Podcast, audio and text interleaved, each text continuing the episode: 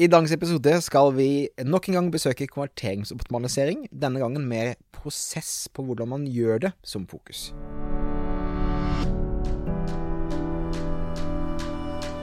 Velkommen til Netthandelspodden. I denne podkasten guider vi deg gjennom hvordan du kan drifte og skape vekst i din nettbutikk. Vi har lang erfaring innen netthandel og ønsker å dele alt vi har lært og nettverket vi har bygget opp, til å gi deg enkle, konkrete råd som du kan ta i bruk i hverdagen din. Hver episode har et ressursark knyttet til seg, som du kan laste ned på netthandelspodden.no.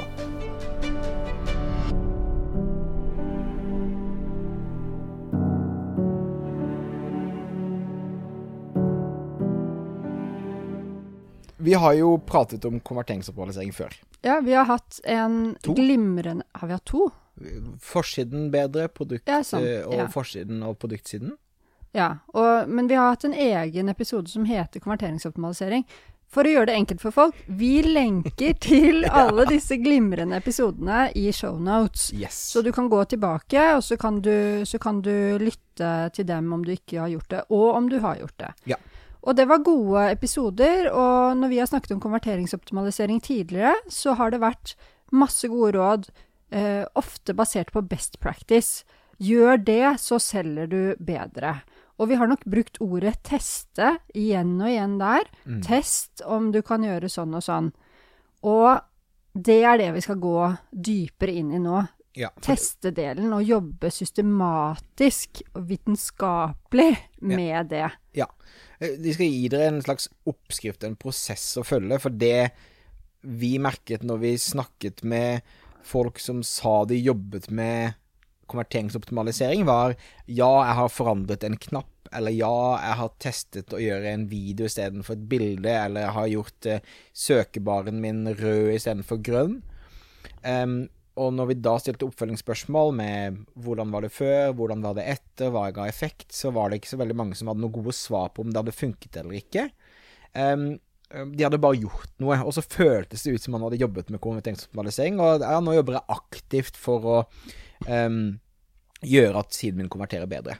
På lik linje når jeg eh, snakker med mange som jobber med annonsering, så eh, så synser de bare om hva slags budskap, bilde, video som de tror har best effekt, istedenfor å se på tall og sammenligne eh, nok data til å kunne gjøre noen eh, liksom harde valg og si at dette er sannheten.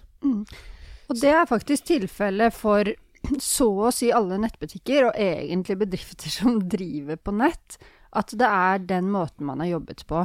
At man har forsøkt å ta grep, forbedre ting, men uten å jobbe systematisk. Så hvis det gjelder deg, og nå snakker vi sikkert til 99 av lytterne våre, Yes. minst Hvis ikke, Så- gratulerer, og til andre, følg Ja. med. ja, nei, men så, så skal du ikke fortvile, fordi at du er i, du er i samme båt som store virksomheter som har enormt å tjene på, på det å jobbe systematisk med det. Mm. Så, men jeg tror at det som har manglet, det er nettopp den kunnskapen om ja, men hvordan gjør jeg det, da? Hvordan er det jeg jobber systematisk med konverteringsoptimalisering? Så det er det vi vil gå gjennom nå, Ja. og gi deg en oppskrift steg for steg. Hvordan gjør du det? Eh, Ja. Hvordan gjør du det? Mm. Og, og, og du kan si oppskriften kom ut ifra eh, Vi har jo en mastermind, og i masterminden, der vi da samlet norske nettbutikker som vi jobber sammen med, tett sammen med i et år, så eh, inviterte vi Moodify, som er et um, nyoppstarta konverteringsoptimaliseringsbyrå, eh, til å snakke om hvordan de jobbet.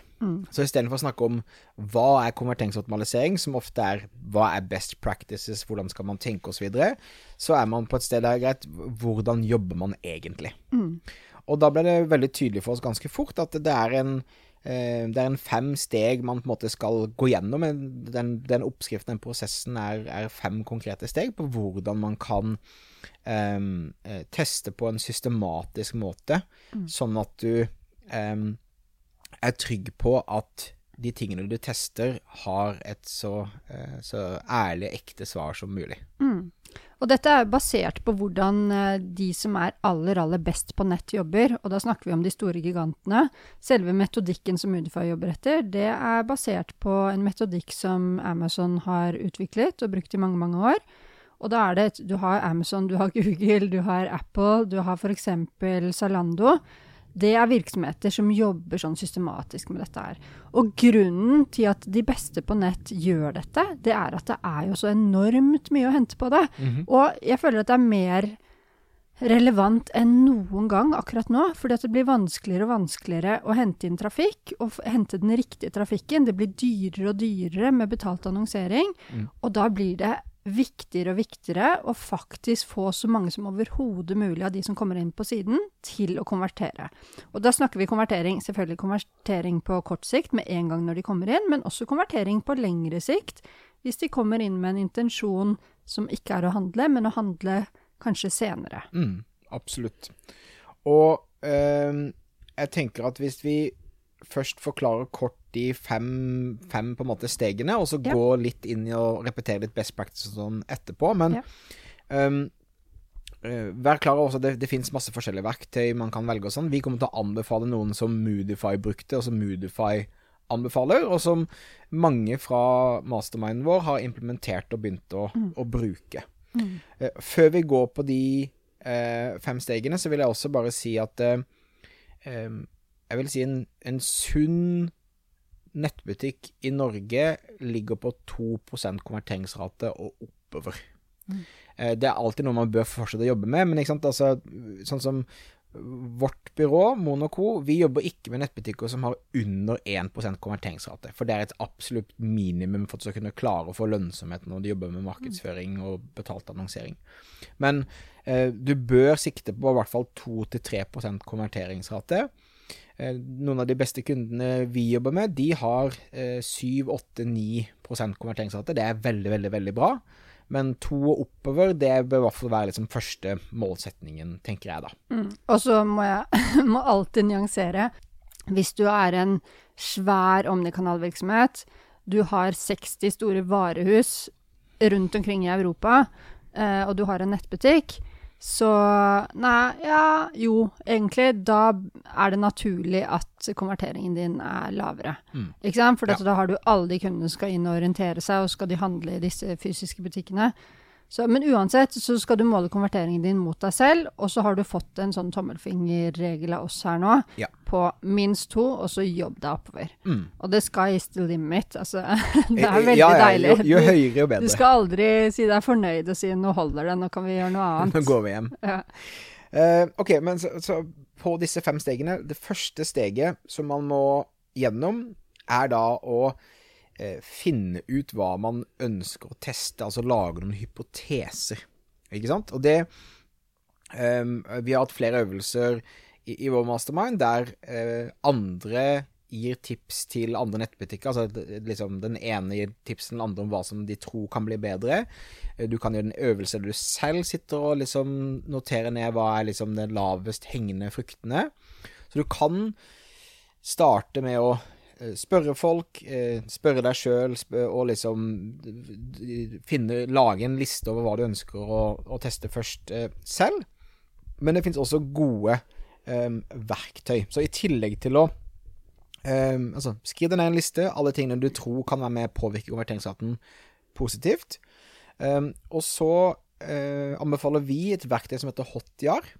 Vi kan også linke til det i shownotes, så folk kan liksom hente det ut. Men det er et verktøy som gir deg muligheten til eh, Den rett og slett tar opp eh, besøkende på eh, nettbutikken din, så du kan se hvor folk klikker, hvor folk stopper opp. Du kan se hvor langt folk scroller ned, hvor folk liksom generelt liksom beveger og, og, og, og sånn. Og du har også muligheten i Hotja til å gjøre undersøkelser. Når noen har vært innom fem sider og ikke gjort et kjøp, så kan det komme opp en liten pop-up som sier Finner du det du leter etter, eller hva er det du leter etter, så du kan få eh, spørsmål, tilbakemeldinger der også. Og hele poenget da med den første fasen er å da få et, et, et, eh, langt ark av ting som du tror vil påvirke positivt konverteringsraten din. Går vi nå i dybden på hvert punkt, plutselig? Eh, nei, vi er ganske high level, men liksom, det er liksom tank tankesettet. Så vet jeg at du har noen gode eh, eksempler også fra selve Moodify-gjennomgangen på ting, men jeg tenker liksom, det er liksom Nivå én, eller fase én, er eh, finn hypoteser. Eh, nummer to handler da om å lage en plan ut ifra den eh, listen man har, ikke sant. Og det, eh, det kan være så enkelt som å få det inn i et Excel-ark. Eh, prioritere eh, ut ifra rekkefølgen hva du vil tro har eh, best effekt. Mm. Hva som er enklest å gjøre noe med. Ja. Um, jeg syns også Jonas Mo, som nå jobber i TV 2 med konverteringsoptimalisering, sier at det begynn, ikke begynn på første delen av reisen, men på slutten. Kanskje er det noe med betalingsløsning, utsjekksprosess og sånne ting du kan gjøre med først, som antakeligvis vil ha en større totaleffekt for det. Mm. Og så er det også bare en sånn side note. Ikke fall for fristelsen å bare kaste ut alt og begynne på nytt. For nå har du masse data og innsikt som du kan kikke i, og som du kan um, teste ut ifra. Så hvis du begynner på nytt, så forsvinner liksom all den lærdommen som ligger i verktøyene dine fra det siste året. Så jo mer små endringer du kan gjøre, med mindre liksom konverteringsraten er 0,2% og ingenting fungerer, så eh, selv om det er gøyere å begynne på nytt, så vil jeg liksom anbefale deg å bare få, lagd den planen, få prioritert å begynne å gjøre små eh, endringer. Um, ja, så, så punkt mm. tre Jeg hopper inn, jeg, så, ja. så du får trekke pusten. så det er faktisk å gjennomføre testingen. Og det er der det er så gull å ha noen gode verktøy. Um, nevnte vi Google Optimize. Det er vel det verktøyet som er mest brukt, ja. og som er veldig, veldig greit å, å, bruke. Vi kommer nærmere inn på det etterpå. Mm -hmm. Men når man kjører testing, så helt overordnet, da gjør man det på en kontrollert måte. Vi tester ikke 1000 ting på en gang, eller fem ting på en gang. Man tester én og én ting, sånn at man skjønner hva som gir effekt, og hva som ikke gir effekt. Så vi går ned i detaljene etterpå. Mm -hmm. Og så, når man har gjennomført en test, så gjelder det å bruke dataen som man har hentet. Det er det som er så deilig med disse verktøyene. Da har du håndfast eh, data å gå ut fra. Mm -hmm. Så evaluerer du hva var faktisk resultatet av den testen som vi nå foretok. Og det er jo kjempespennende. Altså, det er virkelig gøy å se, å se data. Ja. Og da går du jo tilbake opp i planen din, ikke sant? og så noterer du ned før og etter, og endringen, og hva som skjedde under liksom, testen, testen din i evalueringsfasen. Mm. Mm.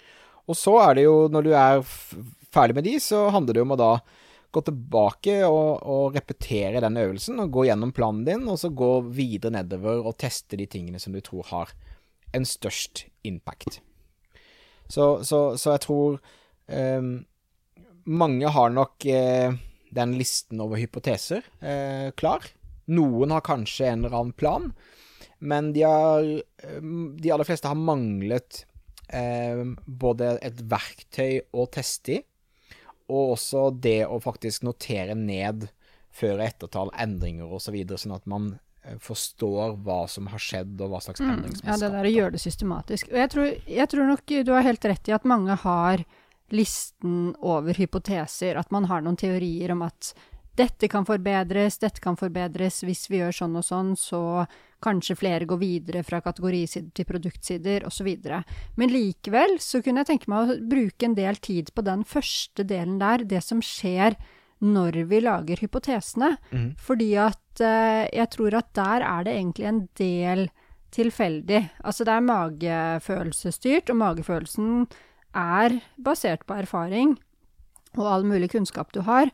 Men likevel så, så, kan vi jobbe systematisk allerede i det leddet hvor vi formulerer hypotesene våre. For det er et poeng å komme frem til gode hypoteser, sånn at det vi bruker tid på å teste, faktisk er de mest fornuftige tingene å teste. Absolutt. Så um, det å gjøre en slags sånn diagnostisering av nettstedet først, det er, et, eh, det er, et, stort poeng før du kommer frem til hypotesen. Mm. Det handler om å forstå kundene dine. Jeg føler vi gjentar oss selv. Det ja. blir liksom de samme tingene vi snakker om. For det å skjønne kundens intensjon når de kommer inn på nettstedet, det er kjempeverdifullt. For du har kunder som kommer fra ulike trafikkilder, og de vil ha ulike behov og ulike ønsker for hva de skal foreta seg.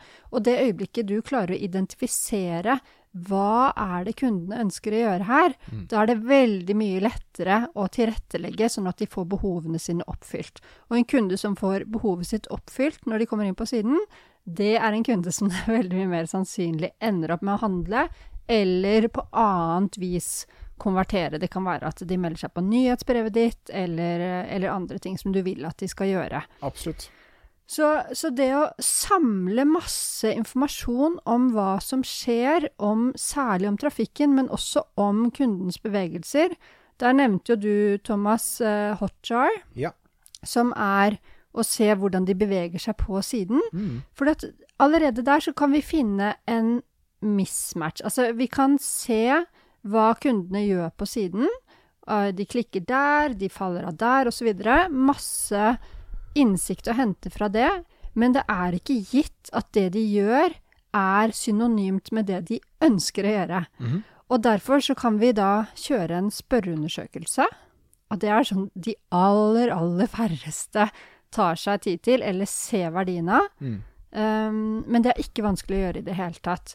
Sett opp en liten sånn exit-pop-up, sånn at når de forlater siden, så får de et par enkle spørsmål der man spør typisk hva kom du inn hit for å gjøre i dag? Og så med noen enkle svaralternativer, basert på erfaring, hva er de mest vanlige scenarioene? Mm. Og så om de fikk til det de ønsket å gjøre. Og der kan man ved hjelp av enkle verktøy Jeg tror Hotjar har sånn det. undersøkelsesverktøy. Mm. Så kan man gi ulike svaralternativer. Så hvis man sier 'jeg kom inn for å finne det og det produktet', eller kjøpe, så kan man ha spørsmål to relatert til det de svarte på spørsmål én. Absolutt. Og hvis du setter opp en sånn kundeundersøkelse, som vi altså anbefaler varmt, Mm. så bør du la den kjøre til du har eh, et signifikant antall svar. Ja. Og om det For store nettsteder så pleier man å si 500. Det kan hende at det er litt i overkant hvis du har Kanskje en det er 50 side. til 100 da, på en mindre Ikke butikk, f.eks. Ja, så du må nesten se hva som er realistisk. Men så sammenstiller du kundenes svar der, gjør det så enkelt som overhodet mulig å svare, Mm. med de andre dataene dine, trafikkdataene, hvor du ser folk kommer fra, og hotjar-dataene, hvor du ser hvordan folk beveger seg. Mm. Og hvis du da er så systematisk som vi nå oppfordrer deg til å være, at du skriver ned ting, ikke sant? Trafikkdataene sier dette, kundeundersøkelsen sier dette, Hotjar-analysen sier dette, så har du plutselig en sånn god oversikt, og basert på det så sitter dere kloke mennesker som har peiling på virksomheten og mer og mer peiling på kundene, og sier OK, vi har en hypotese om at hvis vi gjør følgende, så kommer vi til å selge mer. Så kommer vi til å få flere til å trykke på kjøpsknappen. Så kommer vi til å få hva nå du ønsker at kunden skal gjøre på siden. Absolutt. Så det er viktig å ikke undervurdere den fasen i det hele tatt. Og, og lage deg noen gode hypoteser. Og gjerne ta, ta deg tiden til å, til å skrive det ut, og prøve å forklare det så mye som mulig for deg sjøl, enten om du sitter og jobber sammen med noen eller aleine. Så det å skrive ut hypotesen helt eh, så, så utdypende som mulig, gjør det lettere å forstå hva du ønsker at skal skje når eh, og hvis testen er suksessfull. Skal vi gi noen konkrete eksempler på hva en hypotese kan være, kanskje? Ja, jeg, kan, jeg kan egentlig også putte det inn eh, i forbindelse med en reell kunde som da eh, bruker Hotjar, og så plutselig eh, begynte konverteringsraten å bare dette ned uke for uke for uke, ganske dramatisk. Em, alle påstod at det var ingen endringer på nettsiden, det var ingen endringer på produkter eller noen ting. Eh, man satte seg ned og så på litt over 100 sånne recordings av besøk på Hotjar. Og så så man at nesten alle sammen stoppet opp rett før eh, eh, du fullførte bestillingen. Og da var det noen i kundeservice som hadde vært inne og sagt levering seks til åtte uker som en sånn en bitte liten tekst. Ikke sant? Så, så liksom så, så de sikkert syntes var- god kundeservice, men da eh, Og det verste var jo at det var jo lenge siden det var reelt, så nå var jo produkter på, på lager. Eh, så, så da var det, veldig enkelt å, å da eh, kjøre en kjapp test på å fjerne det, ikke fjerne det, og selvfølgelig så hoppet da konverteringsraten opp igjen. Men det, det er små setninger som ikke du nødvendigvis får det, som, som kan ha det. Men andre hypoteser kan jo være Um, sånn som en av, av våre medlemmer i Masterminden, som da forandret bakgrunnsfagen på søkefeltet. Det var for få mennesker som søkte på den nettsiden deres. De hadde en hypotese at hvis vi gjør søkefeltet mer synlig med å da ha en, ikke en hvit, men jeg tror sånn dus blå bakgrunnsfarge eller et eller annet i den duren, så vil flere søke, og vi ser at de som søker, har generelt høyere snittorderverdi og høyere konverteringsrate. Mm da var det en veldig sånn tydelig hypotese som de kunne teste ut. Så det er, kan være et eksempel. Mm, og det er kult, for nå har du nevnt eh, Du har nevnt utsjekken, kassen, helt til slutten der, og du har nevnt internsøket. Da har du nevnt to av de stedene som du bør begynne å se på når du skal finne steder og gjøre endringer som du, som du tester. Uh, I tillegg så er det absolutt verdt å, å se med kritisk blikk på forsiden din. Mm -hmm. For selv om folk kommer inn overalt på nettstedet ditt, eh, særlig gjennom søk, så, så, er det veldig mange som kommer inn på forsiden. Og så bør du se på da de mest besøkte landingssidene, der hvor folk lander eh, de, gjennom annonser eller gjennom, gjennom søk. Og så bør du se på produktsidene. Ja. Så det er liksom de fem overordnede stedene som det er fornuftig å starte når du skal finne sider og, og forbedre. På produktsiden så er det typisk eh, Skal beskrivelsen av produktet lenger opp i nærheten av prisen? Skal kundeomtale være av eller på? Altså sånne type ting som man kan ha hypotese på. Mm, og en ting som, som ofte går igjen på Kanskje særlig på forsiden, det er det å løfte verdiforslaget, eller hva som er unikt bra med akkurat dere. Hvorfor skal jeg handle hos dere? Mm. Og da er vi inne på, på huleboertesten. Yes, ja, ja. da fikk jeg sneket den, den fikk, ja. da fikk jeg sneket den inn her. Hvis ikke du vet hva det er, så er det tydelig at du ikke har kjent meg lenge. Men det handler jo om at en huleboer en person som er i din målgruppe, som er veldig enkel i hodet, skal klare umiddelbart, etter bare noen få sekunder, å skjønne hva er det du tilbyr, hvorfor er det verdifullt for meg, altså verdiforslaget ditt, hva som er unikt bra her, og hvordan handler jeg? Mm. At du skal kunne svare på de tre spørsmålene. Så, øh, men det der å løfte verdiforslaget, hva som er unikt bra, hva som er grunnen til å handle hos akkurat deg, løfte det høyt opp på siden. For det er så fort gjort at man tenker ja, ja, men alle kjenner til oss. Eh, det er åpenbart hva vi driver med. Det er åpenbart at man skal handle hos oss. Nei, det er veldig ofte ikke åpenbart. Så det er en sånn hypotese som vil gå igjen hos veldig mange, mm. eh, eller som det kan være lurt å formulere for veldig mange. Hva skjer om vi løfter verdiforslaget vårt høyere opp på siden? Ikke sant. Og, og det er også verdt å nevne at Og det vil du finne ut når du bruker Hotjar, men folk scroller ikke så langt ned som du kanskje tror. Så det er veldig viktig å få de mest relevante tingene øverst på siden. Du kan si som en sånn tommelfingerregel at uh, en fjerdedel til en tredjedel faller av for hver scroll nedover. Mm. Folk scroller litt mer på mobil enn på desktop, og, og, det er mobil du skal bry deg mest om, men likevel så kan du si at omtrent en fjerdedel er det sannsynlige fallere for hver scroll. Mm. Så, så, da Hvis du har noe som konverterer bra, men du har plassert det to scroller ned, eller det som folk faktisk søker etter eller er interessert i når de kommer inn på siden, ligger ned på skjult bak noen scroller, så mister du rett og slett masse salg. 100% Antagelig. Så får du teste. og det er hele poenget. Og så, så, så liksom Fase én, finn hypoteser, og, og, få det ned, og, og, gjerne skriv det ut. Og så da er vi inne i, i, i, i fase to, da, som er denne planen. Ikke sant? Og da, da er det å ikke gå på magefølelsen og bare hoppe rett inn i Google Optimize eller Optimizely og begynne å kjøre tester, men ta deg tid til å få det inn i et uh, Excel-ark. Uh, få strukturert det og uh, prioritert det. Mm. Og nå, for alle som nå fikk vondt i ryggen når Thomas sa Excel, så kan det være et annet type dokument også. Poenget er at du skal lage en hub, du skal lage et sted hvor alle involverte har full oversikt, og det er ryddig. Yes.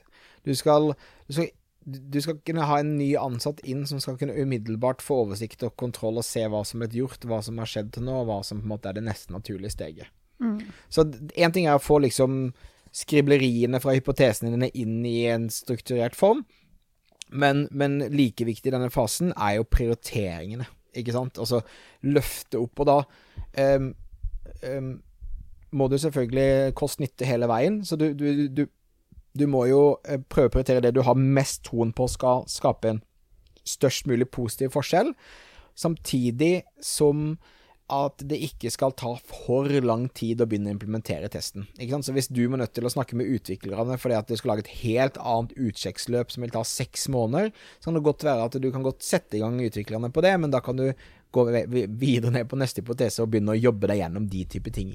Som mm. da Det som er bra med Google Optimize-verktøyet, er at du kan gjøre veldig mye av dette selv. Eh, som vi skal snakke om etterpå, um, i tredje fasen. Men du skal kunne gjøre mye endringer som størrelse, rekkefølge, farger uh, osv. Mm. Så um, Ja, så dele det inn når du har alle disse hypotesene. Bare dele dem inn. Hvor vanskelig er det? Hvor mye egeninnsats krever det? Og kan du kjøre en enkel AB-test uten å inkludere utviklere? Hvis det er snakk om å teste funksjonalitet, mer sånn avanserte ting, så kjører man gjerne det man kaller en URL-split. Dvs. Si at man sender trafikken til to ulike URL-er, hvor, hvor, siden er eh, ja, mer forskjellig da, i, i mm. selve mm. funksjonaliteten. Yep. Så det er ikke der vi anbefaler å, å begynne i det hele tatt. Og så er det også litt sånn der for um, entusiasmen internt. Det der hvis du starter med de lavthengende fruktene, at du ser at oi, her er det potensielt mye å hente.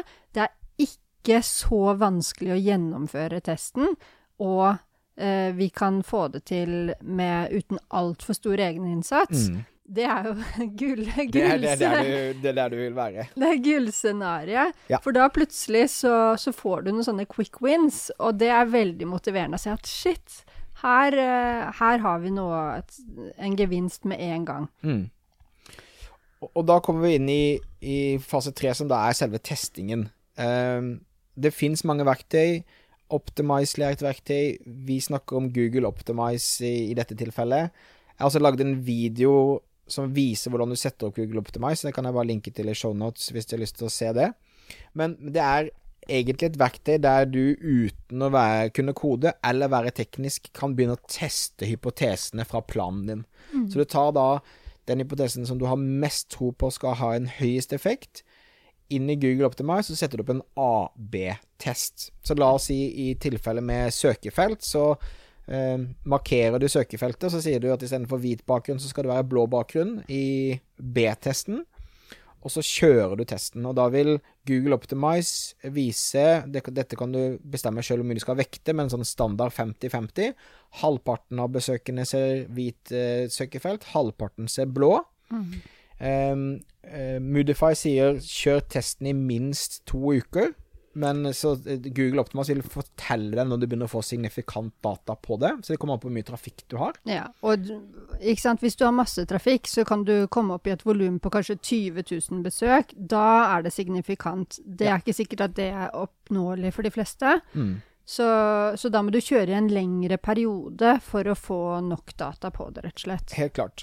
Og da, da når denne testen har fått nok signifikant data, så vil da f.eks. Google Optimize fortelle deg at um, blå søkefelt har en 18 høyere konverteringsrate enn hvit uh, søkefelt. Mm. Og så vil det kunne vise seg i ganske mange tilfeller at når du ser på blått kontra hvitt, så tenker du at nei, men blått er mye styggere, og det kler ikke mitt brand.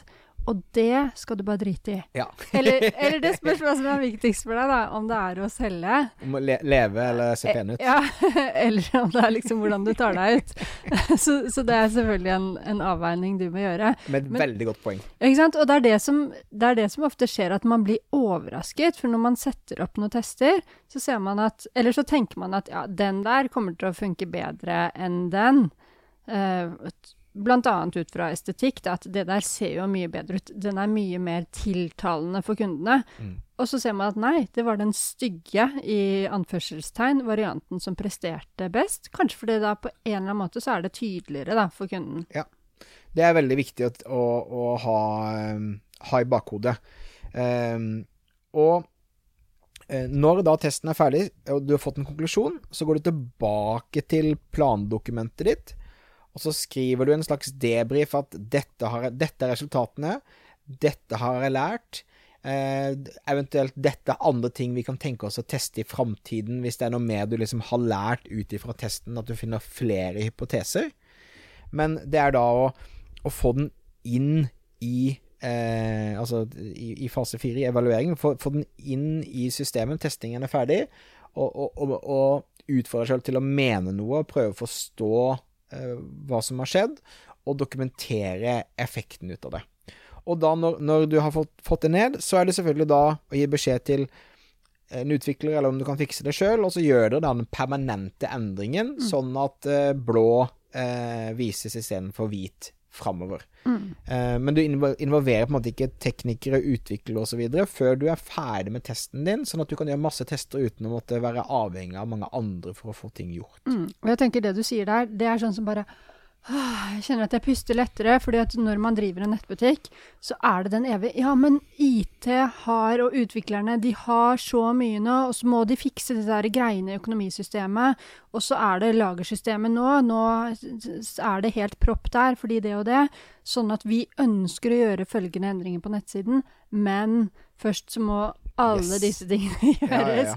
Så IT-avdelingen opp, eller de utviklerne, oppleves gjerne som den aller viktigste avdelingen for veldig mange som driver med netthandel. Og det å vite at du ikke er avhengig av dem, det er en sånn enorm lettelse. Yes. 100 mm.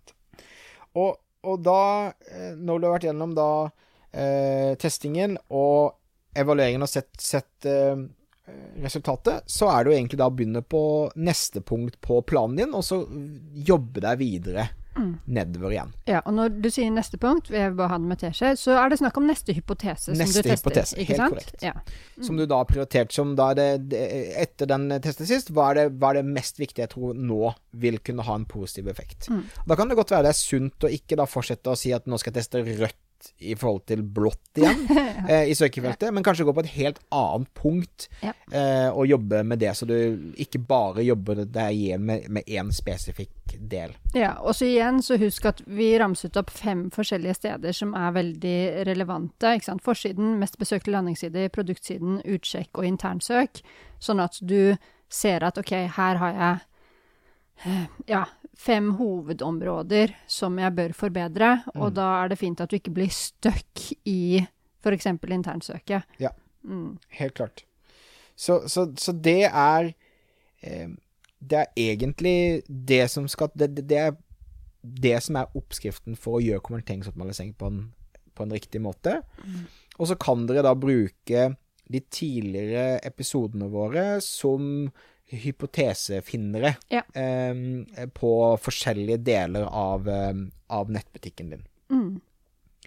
Eh, og, og, jeg tror da, hvis du har som et mål at du i hvert fall får kjørt én sånn test i måneden, f.eks., og du gjennom et år gjør tolv eh, tester, da har du kommet kjempelangt i forhold til hvordan mange andre klarer å få gjennomført tester.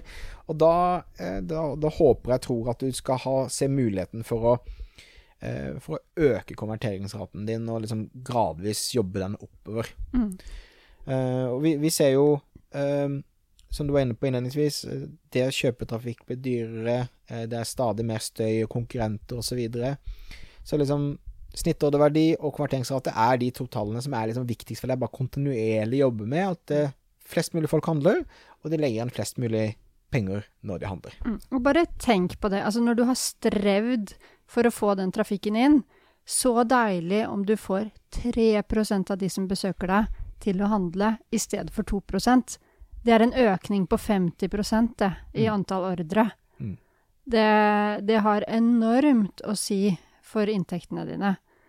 Um, og nå når vi har snakket om disse tingene her, så kan det hende at det er fortsatt noen som tenker sånn ah, ja, men det virker vanskelig, det, jeg blir overveldet, disse verktøyene, det er helt nytt. Da vil jeg bare si bare test, gå inn i det med nysgjerrighet, og bestem deg for at i stedet for at sånn jeg må gjøre tolv tester det kommende året, ikke tenk på det i første omgang.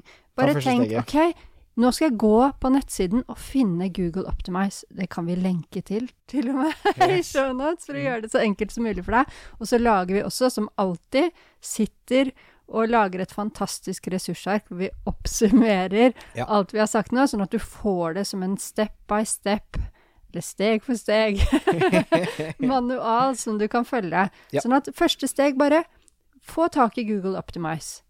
Ok, gjør deg litt kjent med det. Og da vil du kanskje si shit, dette er jo et fantastisk verktøy. Dette kan jeg klare. Ikke sant? Dette kan jeg klare. Det tror jeg er opplevelsen som, som alle vil få, egentlig. Mm. Dette er fullt eh, Det er overkommelig. Ja. Og det også da å bare bli bedre kjent med kundene, begynne å sette opp, diagnostisere nettsiden din, det kan du også klare. Så hvert av stegene her er veldig overkommelige. Yes. Så bare ta én tid av gangen, så går dette bra. Og så er gevinsten så enorm for deg Ja. i den andre enden. Og så blir du jo Du blir jo topp 1 av eh, Nettbutikker nettbutikker når du gjør dette her. Yes. Men når det er sagt, flere og flere kommer til å gjøre det. Ja. Nettopp fordi at man må, og det er så mye å hente. Så i løpet av noen år nå Tenk hvis vi gir folk, eh, eller landets nettbutikker, to år, tre år, så tror jeg det er veldig mange som gjør det. Så hvis du er smart, så er du tidlig ute, så kommer du i gang nå. Så får du et forsprang, så får du rutinene på det. For med alt, som med alt annet, så blir det lettere når du bare har begynt og gjort noen ganger, så får du rutine på det, så er det ikke vanskelig i det hele tatt. Helt enig. Så etter du har lyttet på denne episoden her, last ned ressursarket. Ta deg en kopp kaffe, blokk ut eh, 45 minutter til å liksom komme i gang. Ehm, og så, så følger du eh, oppskriften som vi har gitt i episoden, og som er oppsummert i, i, i Ja, og så kan du sende e-post til Thomas og meg, så kan du si sånn I'm doing it! Yes! Jeg får det til! Så kan vi heie på deg. yes! Det høres ut som en bra, Ja. bra ting. Ja. Så bra. Det er eh, vårt eh, gjenbesøk i konverteringsoptimalisering. Ja. Eh, vi Kan hende det blir flere også, for dette er viktig. Det er veldig viktig. Ja. Men vi iallfall eh, ta det på alvor. Kom i gang. Ta ett steg av gangen. Vi heier på deg, og lykke til. Lykke til.